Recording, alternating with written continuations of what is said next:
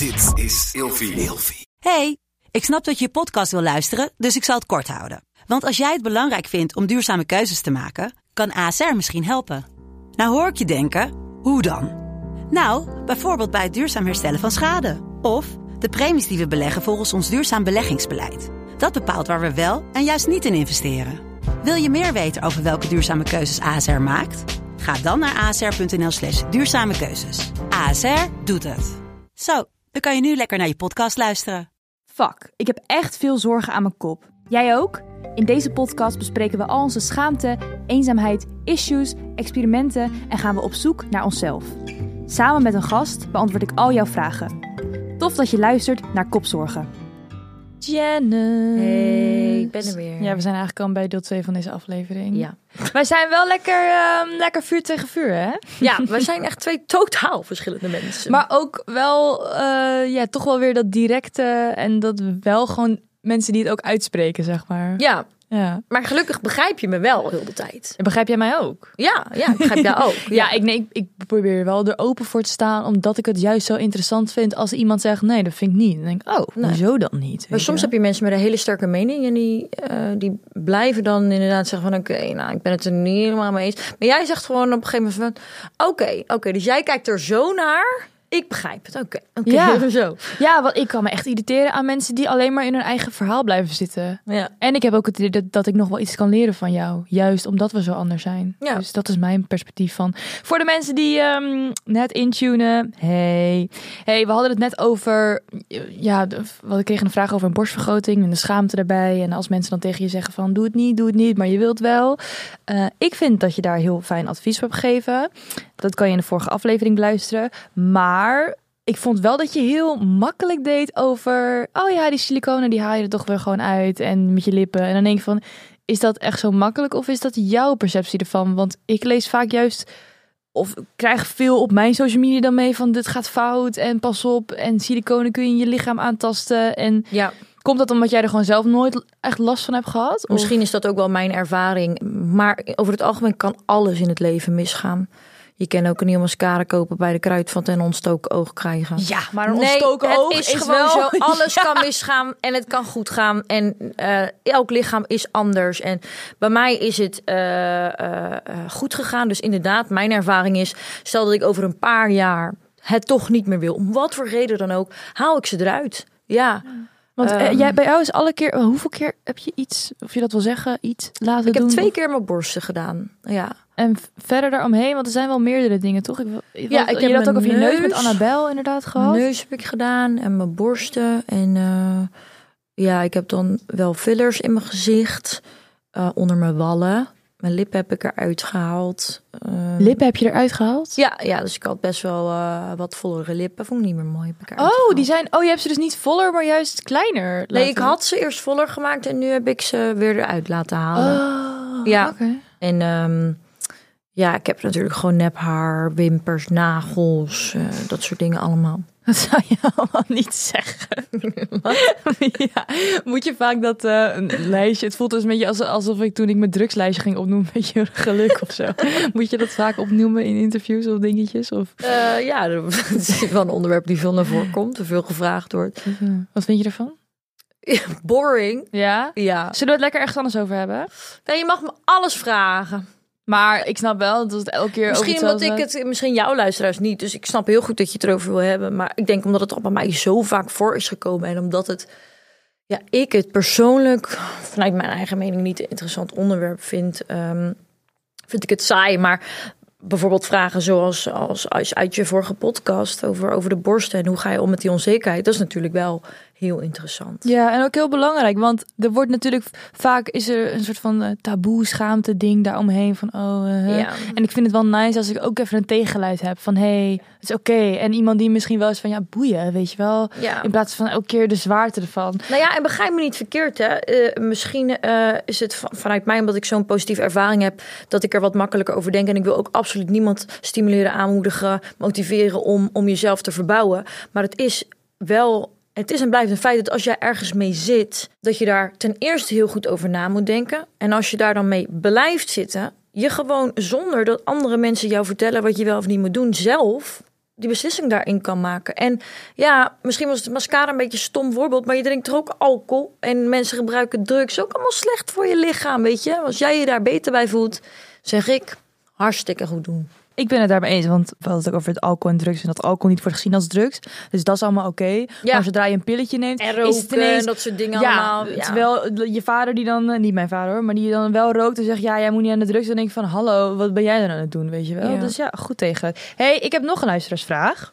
Ik heb een vriend en ik ben al twee jaar gelukkig met hem, maar de mensen om mij heen hebben geen vertrouwen in onze relatie. Nou krijg ik van de mensen die me wel steunen vaak te horen dat ik me daar niks van moet aantrekken. Maar al die meningen hebben toch een negatieve invloed op onze relatie. Dat komt omdat ik soms twijfel of zij misschien iets zien wat ik niet zie. En dat vindt mijn vriend dan weer super kut. Ik bespreek het daarom niet meer met hem, maar ik kan de gedachten ook niet helemaal uit mijn hoofd zetten. Zou je deze vraag een keer willen bespreken met een gast, liefst anoniem? Ja, de, ehm, de crux van dit hele verhaal komt voor mij over van mensen die hebben kritiek op je relatie. En daarom denk ik dat jij er wel goed advies op kan geven. Want jouw vorige relatie stond natuurlijk ontzettend in de schijnwerpers. En er was ook veel kritiek op. ja. We gaan natuurlijk niet helemaal in op dat verhaal, maar meer hoe ben jij daar toen mee omgegaan? Nou ja, mijn eerste gedachte die door mijn hoofd heen spookt is: waarom mogen ze hem niet? Wat is dan de beredenering daarvan? Is het omdat hij al jou iets eerder heeft aangedaan? Is het omdat jullie veel ruzies hebben? Is het omdat hoe die eruit ziet? Daar moet je eigenlijk naar gaan kijken. Is hij heel introvert en zegt hij niks tegen andere mensen, maar heb jij het thuis wel heel erg naar je zin? Ja, het is en blijft wel ten alle tijde jouw relatie. En als jij gelukkig bent, zou ik me niet kunnen bedenken waarom het uitmaakt wat andere mensen vinden. Maar het is wel gek dat zo'n groot gek. gedeelte van jouw omgeving iets van hem vindt. Het zou raar zijn als dat is omdat hij. eh, het zou gek zijn als hij nooit iets heeft geflikt. En hij er altijd voor jou is. Maar hij alleen maar bijvoorbeeld anders eruit ziet. En mensen vinden dan er iets van. Dan zou ik echt denken: wat de fuck. Fuck hun. Want je bent gelukkig en hij is goed voor jou. Maar als die je heeft belazerd. Of hij is, hij is je niet trouw of hij is niet lief. En mensen zeggen er dan iets over. Ja, dan moet je nagaan. Misschien hebben ze dan toch ook wel een beetje gelijk en verdien je ook beter. Want waarschijnlijk zeggen de mensen dat alleen omdat ze om je geven en het allerbeste voor je willen. Dus ik denk dat, die, dat de conclusie die andere mensen vanuit buiten aftrekken vaak wel gebaseerd is ergens op. Ja, maar aan de andere kant denk ik ook, de enige twee mensen die weten hoe een relatie in elkaar steekt, zijn de twee mensen die erin zitten. Ja. En ik heb ook zo vaak genoeg gehad een oordeel op andere mensen. Maar zelfs nu, nu ik wat ouder word, zelfs met vreemd gaan. Ik had een eh, TED-talk gezien van Esther Perel, dat is eh, een bekende relatietherapeut, over wat is nou een retake on infidelity of zo. Zo is het. Dat ging over dat, dat er zo'n oordeel is op mensen die vreemd gaan. En ja, wa- waarom ga je terug bij hem? What the fuck, weet je wel. Terwijl dat vooroordeel, dat, dat je dat ook op een andere manier kan zien. Dat dat niet altijd zoiets hoeft te zijn van, oh, dan moet je het uitmaken. En als je dat niet uitmaakt, heb je geen zelfrespect. Weet je wel, daar deed zij dan een hele talk over. Ehm, dat is misschien wel interessant om te kijken. Maar dat is net als wat je zegt, als, als hij nou echt iets heeft geflikt, ja, dan is het wel logisch. Maar dan denk ik, ja, zelfs dan, wat hebben anderen er dan van te zeggen? Ja, als hij jou echt ziels of ongelukkig maakt. En, maar dat ze zegt net, ik ben al twee jaar gelukkig met hem. Alleen de mensen om me heen hebben geen vertrouwen in onze relatie. In hoeverre moet je naar, naar je omgeving luisteren? In hoeverre trek je je eigen plan daarin? Ja, we weten natuurlijk niet precies wat er aan de hand is. Maar Ja, ik vind het wel een lastige vraag. Want als je gelukkig bent, dan zou ik me echt, echt niks aantrekken van wat andere mensen zeggen. Maar vaak is het wel ergens op gebaseerd. En eh, als jij, stel dat hij inderdaad ontrouw is geweest of hij behandelt je niet altijd met, met respect, maar jij kan daar zelf wel mee leven. Kijk, voor iedereen is een andere grens. Mijn allereerste relatie, hij was niet altijd even lief tegen mij. En dat ging ik ook elke keer delen met mijn familie en vrienden. Dus elke keer wanneer hij wat deed, dan eh, ging ik dat vertellen. Dan was het die week daarop was het gewoon weer over. En dan was ik weer zielsgelukkig met hem. Maar al die negatieve dingen, dingetjes die ik iedereen vertelde, die stapelden zich wel op. Waardoor iedereen op een gegeven moment dacht, hey, ga weg met hem, weet je wel. Want hij is helemaal niet goed voor jou. Maar dan wil, moest ik hun ineens er weer van gaan overtuigen van... ja, maar we hebben ook leuke momenten. En dat deel je natuurlijk Maar niet. dat deel je niet. Nee. En dat is inderdaad wat jij zegt. Jij weet alleen met z'n tweeën hoe jouw relatie is. Maar de mensen zien het alleen van buitenaf. En krijgen alleen mee wat jij met hun wilt delen. Toen heb ik wel heel erg geleerd van... Mijn problemen zijn tussen mij en mijn partner. Mocht ik er echt niet uitkomen, dan kan ik dat heus wel even met een vriendin bespreken. Maar doe het absoluut niet tegen je ouders of zo. Want inderdaad, ze krijgen een vertekend beeld. Ja. En als jij gelukkig bent, dan moet je gewoon ook gelukkig zijn en daarbij blijven. En wat ik hier ook zie, is dat ehm, ze nu niet meer met hem die communicatie heeft. Want omdat hij er onzeker van wordt dat zij beïnvloed wordt. Maar ik denk dat dat juist belangrijk is om wel die communicatie te blijven houden. Van ik voel me onzeker, ik vind het kut. En dat je daar samen juist doorheen moet. Want nu creëert het toch, toch vet veel afstand, weet je wel. Misschien ook afhankelijk van de situatie. Want als ze bijvoorbeeld, als ze hem niet mogen, omdat hij, ik zeg zomaar wat soms, eh, geen handjes geeft op verjaardagen. Dan moet je met hem bespreken van, joh, volgende keer wel even een handje geven. Ja. ja, maar als het puur en alleen gaat om wat zij denken dat er gebeurt in hun relatie, ehm, dan moet je je inderdaad wel afvragen van in hoeverre heeft het een toegevoegde waarde om dit continu te gaan bespreken, terwijl zij een verkeerd vooroordeel hebben. En wij weten hoe het wel zit. Waarom zou je dat dan doen? Dan zou ik hem inderdaad op een gegeven moment na een aantal keer het erover gehad te hebben. En het beïnvloedt je relatie, zou ik het inderdaad wel laten. Want het heeft toch geen eh, toegevoegde waarde meer aan, aan jullie allebei. Als je zelf maar goed bent met elkaar. Ja, nee, maar dat is dus een beetje het. eh, uiteindelijk begint het daar, de communicatie. Wa- Was het voor jou anders om in een relatie te zitten die dan niet publiekelijk was en vervolgens wel publiekelijk? Of was het eigenlijk precies dezelfde soort problemen? Eh, of speelde dan nog ook een stukje mee dat het ook nog eens in de schijnwerpers staat? Mm, relatie is wel een relatie. Het is, was, kwam alleen wat meer bij kijken toen we uit elkaar gingen. Dus Oh ja, dus tijdens eigenlijk niet. Maar als het dan uit elkaar is, dan vliegt iedereen er bovenop van Ja. hoezo dan? iedereen was daar, niet alleen je familie en vrienden, maar ook de, heel Nederland was daar op een gegeven moment bij betrokken. Dat was het enige verschil. Maar voor de rest is hij ook gewoon een normaal persoon. Ja, zou je nu eh, daar bewuster mee omgaan meer? Nee, ik val op wie je bent en niet om eh, wat je hebt of eh, wat voor werk je doet. Want dat is hoe ik het zie. Maar meer misschien met het delen. Dat als je dan met iemand die weer in de spotlight staat, dat je denkt, nou laten we het nu dan misschien een beetje voor onszelf houden. Of Nou, ik ben gewoon, het is bijna niet, je kan het bijna niet vermijden, omdat mijn leven natuurlijk één open boek is. Dus als jij in mijn leven komt, dan zul je daar uiteindelijk een onderdeel van worden. Mocht ik iemand tegenkomen die dat niet wil, heb ik daar wel respect voor, zou ik daar rekening mee houden. ja, je kan natuurlijk ook kiezen om dat, om dat niet te doen. Nou ja, ik, wat ik een beetje een voorbeeld daarvan vond, is eh Monica en die Robert, die vriend. Ja, maar hij wilde het zelf niet. Nee, maar ja, alsnog, alsnog is hij er volgens mij een beetje meegetrokken. Want Ja. iedereen kende hem wel en iedereen weet het nu ook nu Ja. het uit is. Dan denk ik van, oh ja, Ja, maar dat kan ook bijna niet, want het is, eh, haar, ook, haar leven is zo publiek, openlijk en hele vlogs elke dag. Dus je kan ervoor kiezen om niet iemands gezicht in beeld te doen of wat dan ook, maar dat er iemand in je leven is, daar kan je eigenlijk niet meer omheen. Eh, maar veel mensen vragen ook aan mij: zou je nu, nu voor kiezen om liever met iemand te gaan die niet bekend is? In principe maakt het me echt niet uit. Maar eh, aan de ene kant, als je verliefd bent, dan ben je ook heel trots daarop. En ik ben als persoon sowieso heel enthousiast en laat alles zien. Dus als ik een nieuw iemand zou hebben, zou ik daar ook wel weer heel blij mee zijn. En dat willen delen, als die persoon daar ook open voor staat. Met wel de gevolgen van dien dat als het uit elkaar gaat, dat de rest van de wereld dat ook heeft. Maar dat is wel waar ik bewust voor heb, geko voor heb gekozen. Dat is mijn leven. Als er nu iets niet goed gaat, deel ik dat ook. Ja. ja, ik denk dat bekend zijn in dat opzicht wel echt wordt onderschat hoor. Want eh, vroeger wilde ik altijd bekend zijn. Waarom? Maar ja, dat, dat wilde ik gewoon. Ik, maar ik denk gewoon vanwege die aandacht. En het leek allemaal zo vet op tv en zo. Wilde ik meedoen aan de Voice. Dacht ik, ja, weet je wel. Ja, ik weet niet. Echt zo, of in een film spelen of zo. Eigenlijk grappig de dingen die jij echt ook hebt, echt hebt gedaan, zeg maar. Eh, maar hoe, hoe ouder je wordt, hoe meer de glans daar een beetje van afgaat. En ik denk dat, stel, wat ik wel eens heb, is dat ik over zaterdag met mijn vriend. En we hebben ineens een discussie over iets. Want we zijn geïrriteerd en hongerig. Lopen gewoon door Amsterdam heen. Denk, stel, ik zou nu bekend zijn. Dan zijn we in discussie en dan ben ik, begin ik ook af en toe te huilen. Omdat ik het dan gewoon even te veel vind worden. En mensen zouden me nu herkennen en foto's gaan maken. Nou, dat is toch vreselijk. Dan moet je elke keer ook kiezen van oké, we zijn nu openbaar, je slikt het nu gewoon door. We lopen nu naar huis en dan doen we het daar wel of zo, zeg maar. Dat is dan iets waar je bewust mee bezig bent. Als ik nu gewoon wil huilen, ga ik gewoon huilen, weet je wel. Ja. Dus ik denk dat dat, die, die privacy die je daarvoor inlevert, ja, dat, ik, ik- soms dan denk ik, dat wordt echt een beetje, ehm, mensen onderschatten dat denk ik, Ja. vaak. Ik denk zeker dat mensen dat onderschatten. Kijk, ben je nou een Justin Bieber of zo? Dat zou ik ook weer niet willen.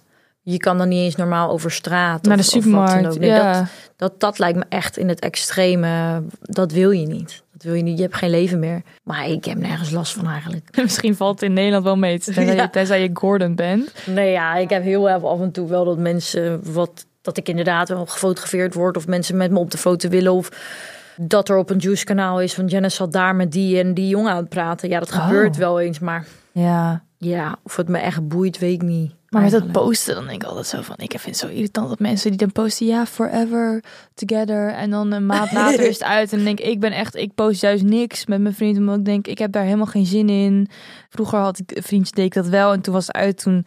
Dan haal je wat foto's weg of dan post je niks meer. Dan gaan mensen echt naar dingen aan je vragen. Ik heb daar helemaal geen zin in. Ik hou het lekker allemaal voor mezelf. Ja, Eh, kan ik ook wel begrijpen hoor. Puur omdat ik me gewoon irriteer aan mensen die het allemaal out there doen. En daarna is het uit en denk van ja, zie je nou wel, weet je wel. Ja. En eh, je- Ja, ik ervaar het heel erg als, eh, als, als blijdschap en trots. En al- als iets leuk is, dan ook als iets niet leuk is, het heel kut. Maar over het algemeen is alles wel leuk in mijn leven. En dat vind ik dan ook wel leuk om te laten zien. Ja, maar ja, jij bent natuurlijk ook geen influencer. Dus ja. Nee, en wie weet kom ik er nog op terug, hè. Ik bedoel, ik merk ook steeds meer dat dingen waar ik vroeger heel set in stone over was, die veranderen nu de hele tijd. Meestal wordt het altijd na een aantal jaar ook wel minder. Aan het begin dan ben je helemaal over je oren. En dan vind je het echt ben je alles filmen en alles laten zien. En dan daarna op een gegeven moment veet het ook wel vaak een beetje weg. Zie je ook wel op heel veel platforms bij mensen. Ja, ik denk dat ik het wel, eh, dat ik het zelf wel leuk had gevonden, maar ik irriteerde me er zelf heel erg aan. Dus ik ga, wil niet de persoon zijn die ik irritant vind, snap je? Net zoals klef doen, eh, waar andere mensen bij zitten. Ik kan me daar echt aan irriteren als mensen, als ik met twee, een koppel zit en zitten gewoon heel aan elkaar en denk van, hallo, ik zit hier ook nog, weet je wel. Dus ik ben ook niet zo'n koppel die dat dan bij anderen, zeg maar, doet. Ik denk dat ik dan dus heel erg ben van, ik wil mijn eigen principes niet soort van, snap je wat ik bedoel? Dat je dan het een zeg maar wel gewoon doet. Ik wil niet hypocriet zijn, dus ik denk dat ik daar wel heel erg... ehm, Ja, ja, maar eh, oké, genoeg over dat. Ik heb nog een vraag die ik ehm, wil doen. Dat is de laatste vraag voor vandaag. Ehm, want ik vond dit wel een hele mooie. Ik krijg niet zo vaak vragen van mensen die al wat ouder zijn dan ik zelf. Dus dat vond ik wel heel nice. oké. Echt Vaak mensen die zelf leeftijd zijn of iets jonger. Hey Michelle, in je laatste podcast ging het over de verwachtingen van de maatschappij op dertigers om te gaan settelen en kinderen te krijgen. Ik ben 29 en heb er momenteel veel mee te maken. Vrienden om me heen beginnen samen te wonen en gezinnetjes te stichten, terwijl ik nog op kamers woon in Amsterdam. Ik voel sinds kort ook een enorme druk. En die komt niet zozeer vanuit het vergelijken met mijn vrienden, maar meer van mijn omgeving waarvan ik constant vragen krijg. Toen kwam bij mij de vraag op hoe je, nee, hoe je bij mensen aan kan geven om zich er niet mee te bemoeien zonder onbeschoft te zijn. Jouw gasten geven me altijd veel inzichten, dus ik ben hoopvol. Zo leuk. Thanks met een uitroepteken. Ja, leuk hè? Ja, Ja. Ik voel me altijd zo vereerd dat ik denk van, oh, Ja, mensen die leggen hier leuk. hun vertrouwen en eh, zeggen we zijn hoopvol, dus ik wil niet teleurstellen. Dus Janice. Nee, ik weet dat jij ook een beetje in die, ik zie veel TikToks voorbij komen over, eh, over daten bij jou en, en de struggles waar je tegenaan had als je 30 bent en je wil wat serieuzer, maar je, ja, het niet helemaal een soort van, oh, hoe het overkomt alsof je daar niet echt lak in hebt. Of, er Eh. zit een beetje een kern van waarheid onder, toch? Ja, tuurlijk. Ja, ik, ik loop daar wel tegenaan.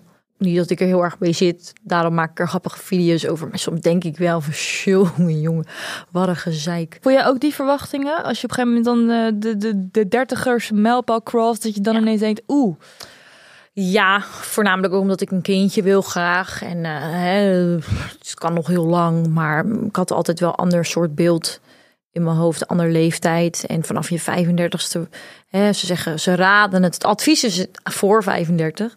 Ja, als ik nu iemand eh, tegenkom, eh, wil ik ook niet binnen een jaar zwanger zijn.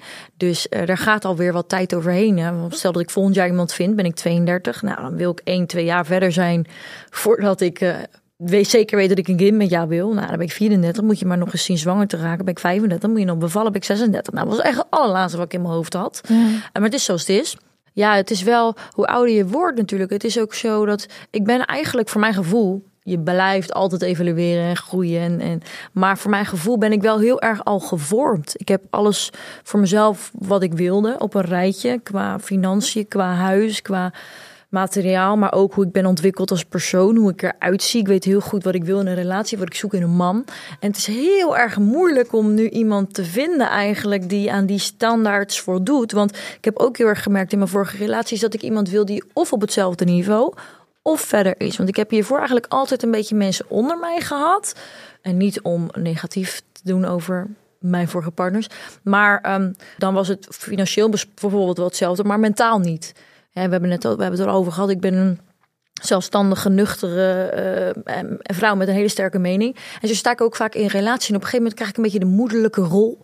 En op, ik ben daar een beetje klaar mee. Ja. Ik wil niet meer alles voor jou regelen en alles voor jou doen. Ja, voor je koken, maar ik wil niet ook nog eens je manager worden of zo. Weet je, daar ben ik een beetje klaar mee. Dus ik hoop in een vervolgende volgende relatie en niet alles voor mensen te hoeven betalen. En niet ook je zaken te regelen. Ik, ik zou een keertje graag uh, willen leren en willen door kunnen groeien. En misschien mezelf kunnen optrekken aan een wat oudere, verdere, volwassene man. Maar vind maar iemand die of meer verdient of hetzelfde. En ook nog eens mentaal zodanig sterk is uh, en ook zo ver ontwikkeld is op deze leeftijd. Dat is fucking moeilijk. En waar ga je ze vinden? Ik ga wel eens naar een feest zien, maar daar moet je ze ook niet zoeken. Nu zit ik op Tinder. Ja, dan wil je ook, wil je ook niet doodgevonden worden. Dus ik vind het eigenlijk echt wel moeilijk om het, uh, om het te vinden. En op elke verjaardag wordt het weer aan me gevraagd door... Eh, ben daten? Eh, ben jij een vriendje? Ja, vind je dat kut? Of... Nou ja, ik zeg dan nee heb het nog steeds niet. En je weet het wanneer het wel zo is. Ja, ja. En ik zeg eigenlijk dan altijd, uh, als iemand ook zegt, ik heb misschien wel ook iemand voor je. Of zo zeg ik al, vind het hartstikke lief. Hartstikke aardig. Maar nee. Maar is niet nodig hoor. Maar ook wat ik hoor uit jou is dat je ook gewoon een keer wil dat iemand voor jou zorgt. Heel graag. Want jij hebt altijd moeten zorgen. Ja. Ja. Aan het begin vind je dat niet erg. Uh, want je houdt van iemand en je wilt er voor iemand zijn. Maar op een gegeven moment gaat het wel een beetje aan je vreten. En loop ik vaak mensen voorbij. En loop ik over je heen en dan is het klaar. Maar die moederlijke rol, ik herken dat heel erg bij mezelf. Maar ik heb bij mezelf een beetje uitgevogeld. Ik ben ook best wel pittig. En uh, dat ik misschien soms jongens kies die een beetje lief zijn en een beetje daaronder zitten. Omdat een man die wel gelijkwaardig is of verder ontwikkeld, dat ook best intimiderend kan zijn. Dat je denkt van, ho ho, dat is ook best wel confronterend. Dus ja, die balans moet je zien te vinden in iemand. Maar daar komt dan ook nog eens niet alleen die tegengas, maar ook nog eens financieel en ook nog eens qua uiterlijk. Want jij hebt ook alles. vaak voor mensen moeten betalen dus. Nou ja. Kijk, uh, het is stom om te zeggen, maar uh, ja, uh, nu zeker als influencer. Het is een gekke branche, je verdient gewoon veel. Als Ja. jij een normaal kantoorbaantje hebt, moet je een hele goede functie hebben. Maar eh, het slaat ook nergens op natuurlijk hoe, wat, wat er nu allemaal online gebeurt en wat voor prijzen er af en toe tegenaan gegooid worden. En ik besef me heel goed dat dat niet normaal is. Maar daarom zou ik, denk ik dat ik gewoon een of andere zakenman moet vinden of zo, die een eigen onderneming heeft. Of, eh, want die jongetjes die, eh, die achter een computer zitten op een kantoorbaantje. Ja, dat gaat hem gewoon voor mij niet meer worden. Dat is ook gewoon, ja, dat evalueer je gewoon in als persoon. En nu is dat gewoon wat bij mij past. Ik vind het wel goed dat je gewoon kritisch bent, want dat is gewoon fijn voor jezelf. Ja. Maar wat je daarna zegt, dat wat erbij komt, is dat het gewoon pittig is.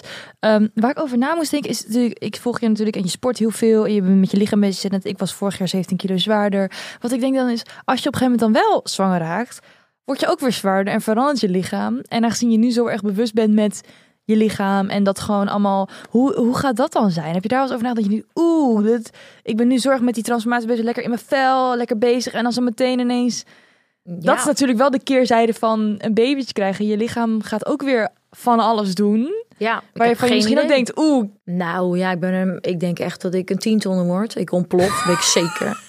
Maar ehm, ja, je doet het ergens voor. Je bent je natuurlijk bewust ervan waarom je het doet. Wat het je uiteindelijk hopelijk gaat opleveren.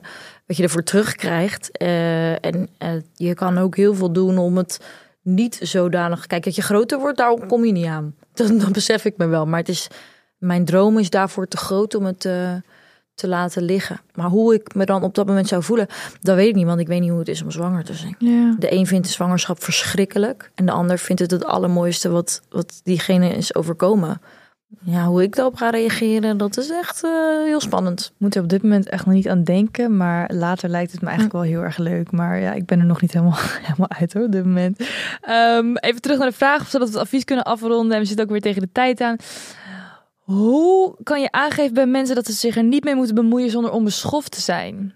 Ja, met het hele kinderwens en dat er van alles aan je gevraagd wordt. Wat, wat jij ook zegt, eigenlijk dat, dat tegen jou ook wordt elke keer gevraagd van... hey, heb je nou een partner? Hoe gaat het ermee? En dat je denkt, Ja, ik zou gewoon echt heel zeggen, ik snap dat je het vraagt en het is lief bedoeld.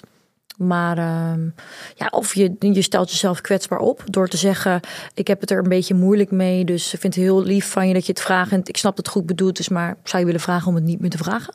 ja. Dan zet je eigenlijk hun op hun plek. Zo. En dan denken zij, oh shit, oh, so- sorry. Nee, dat bedoel ik helemaal niet, zeggen ze dan. En dan, nee, er- nee, is niet erg, maar Ja, ja, gewoon een grens voor jezelf ja stellen. dan ben je er gelijk vanaf. Ze vragen, Ja. het no- ze vragen het nooit meer, ik je vertellen. Ja, precies. Dat Ja. vind ik wel mooi, hè? Dus ik zou eigenlijk het, ik zou het niet ontlopen, want dan vragen ze het de volgende keer op de volgende verjaardag weer. Ja, als het een beetje afwimpelt, dan eh, krijgen ze de message inderdaad ja, niet echt. precies. Gewoon inderdaad je grenzen aangeven. En misschien maakt dat het een klein beetje awkward op dat moment. Maar geloof me, dan ben je er wel vanaf. Nou, we zijn rond. Dankjewel dat je te Yay. gast wilde zijn in mijn show. En dankjewel dat ik Ja. mocht komen. Ik vond, het echt, eh, ik vond het echt een heel nice gesprek. Ik, Ja. leer- ik zeg altijd, ik leer het meest van de mensen die... ehm, Ja, we zijn heel anders. En ik maak natuurlijk wel grapjes, maar ik vind echt dat je het heel goed doet. Eigenlijk vanaf dag één al dat ik hier kwam en je podcast zag. eh, hoe hard je werkt, hoe gemotiveerd je bent. En eh, ik vind je gewoon als host en, en interviewer, presentatrice, podcastleider heel goed. En je ziet er altijd leuk uit. Nou, dankjewel. nee, dat vind ik echt lief om te horen. Je bent de eerste die dat ook zo... eh, Nee, trouwens niet, eh, niet in de podcast zo tegen me zegt. Ik word er een beetje bijna een beetje zo eh, ongemakkelijk van. Maar ik vind het wel echt heel lief. Ja, Ja. alsjeblieft. Thanks voor, voor de uitnodiging. Tuurlijk. Hey, voor de luisteraar, dankjewel voor het luisteren. En tot de volgende kopzorgen.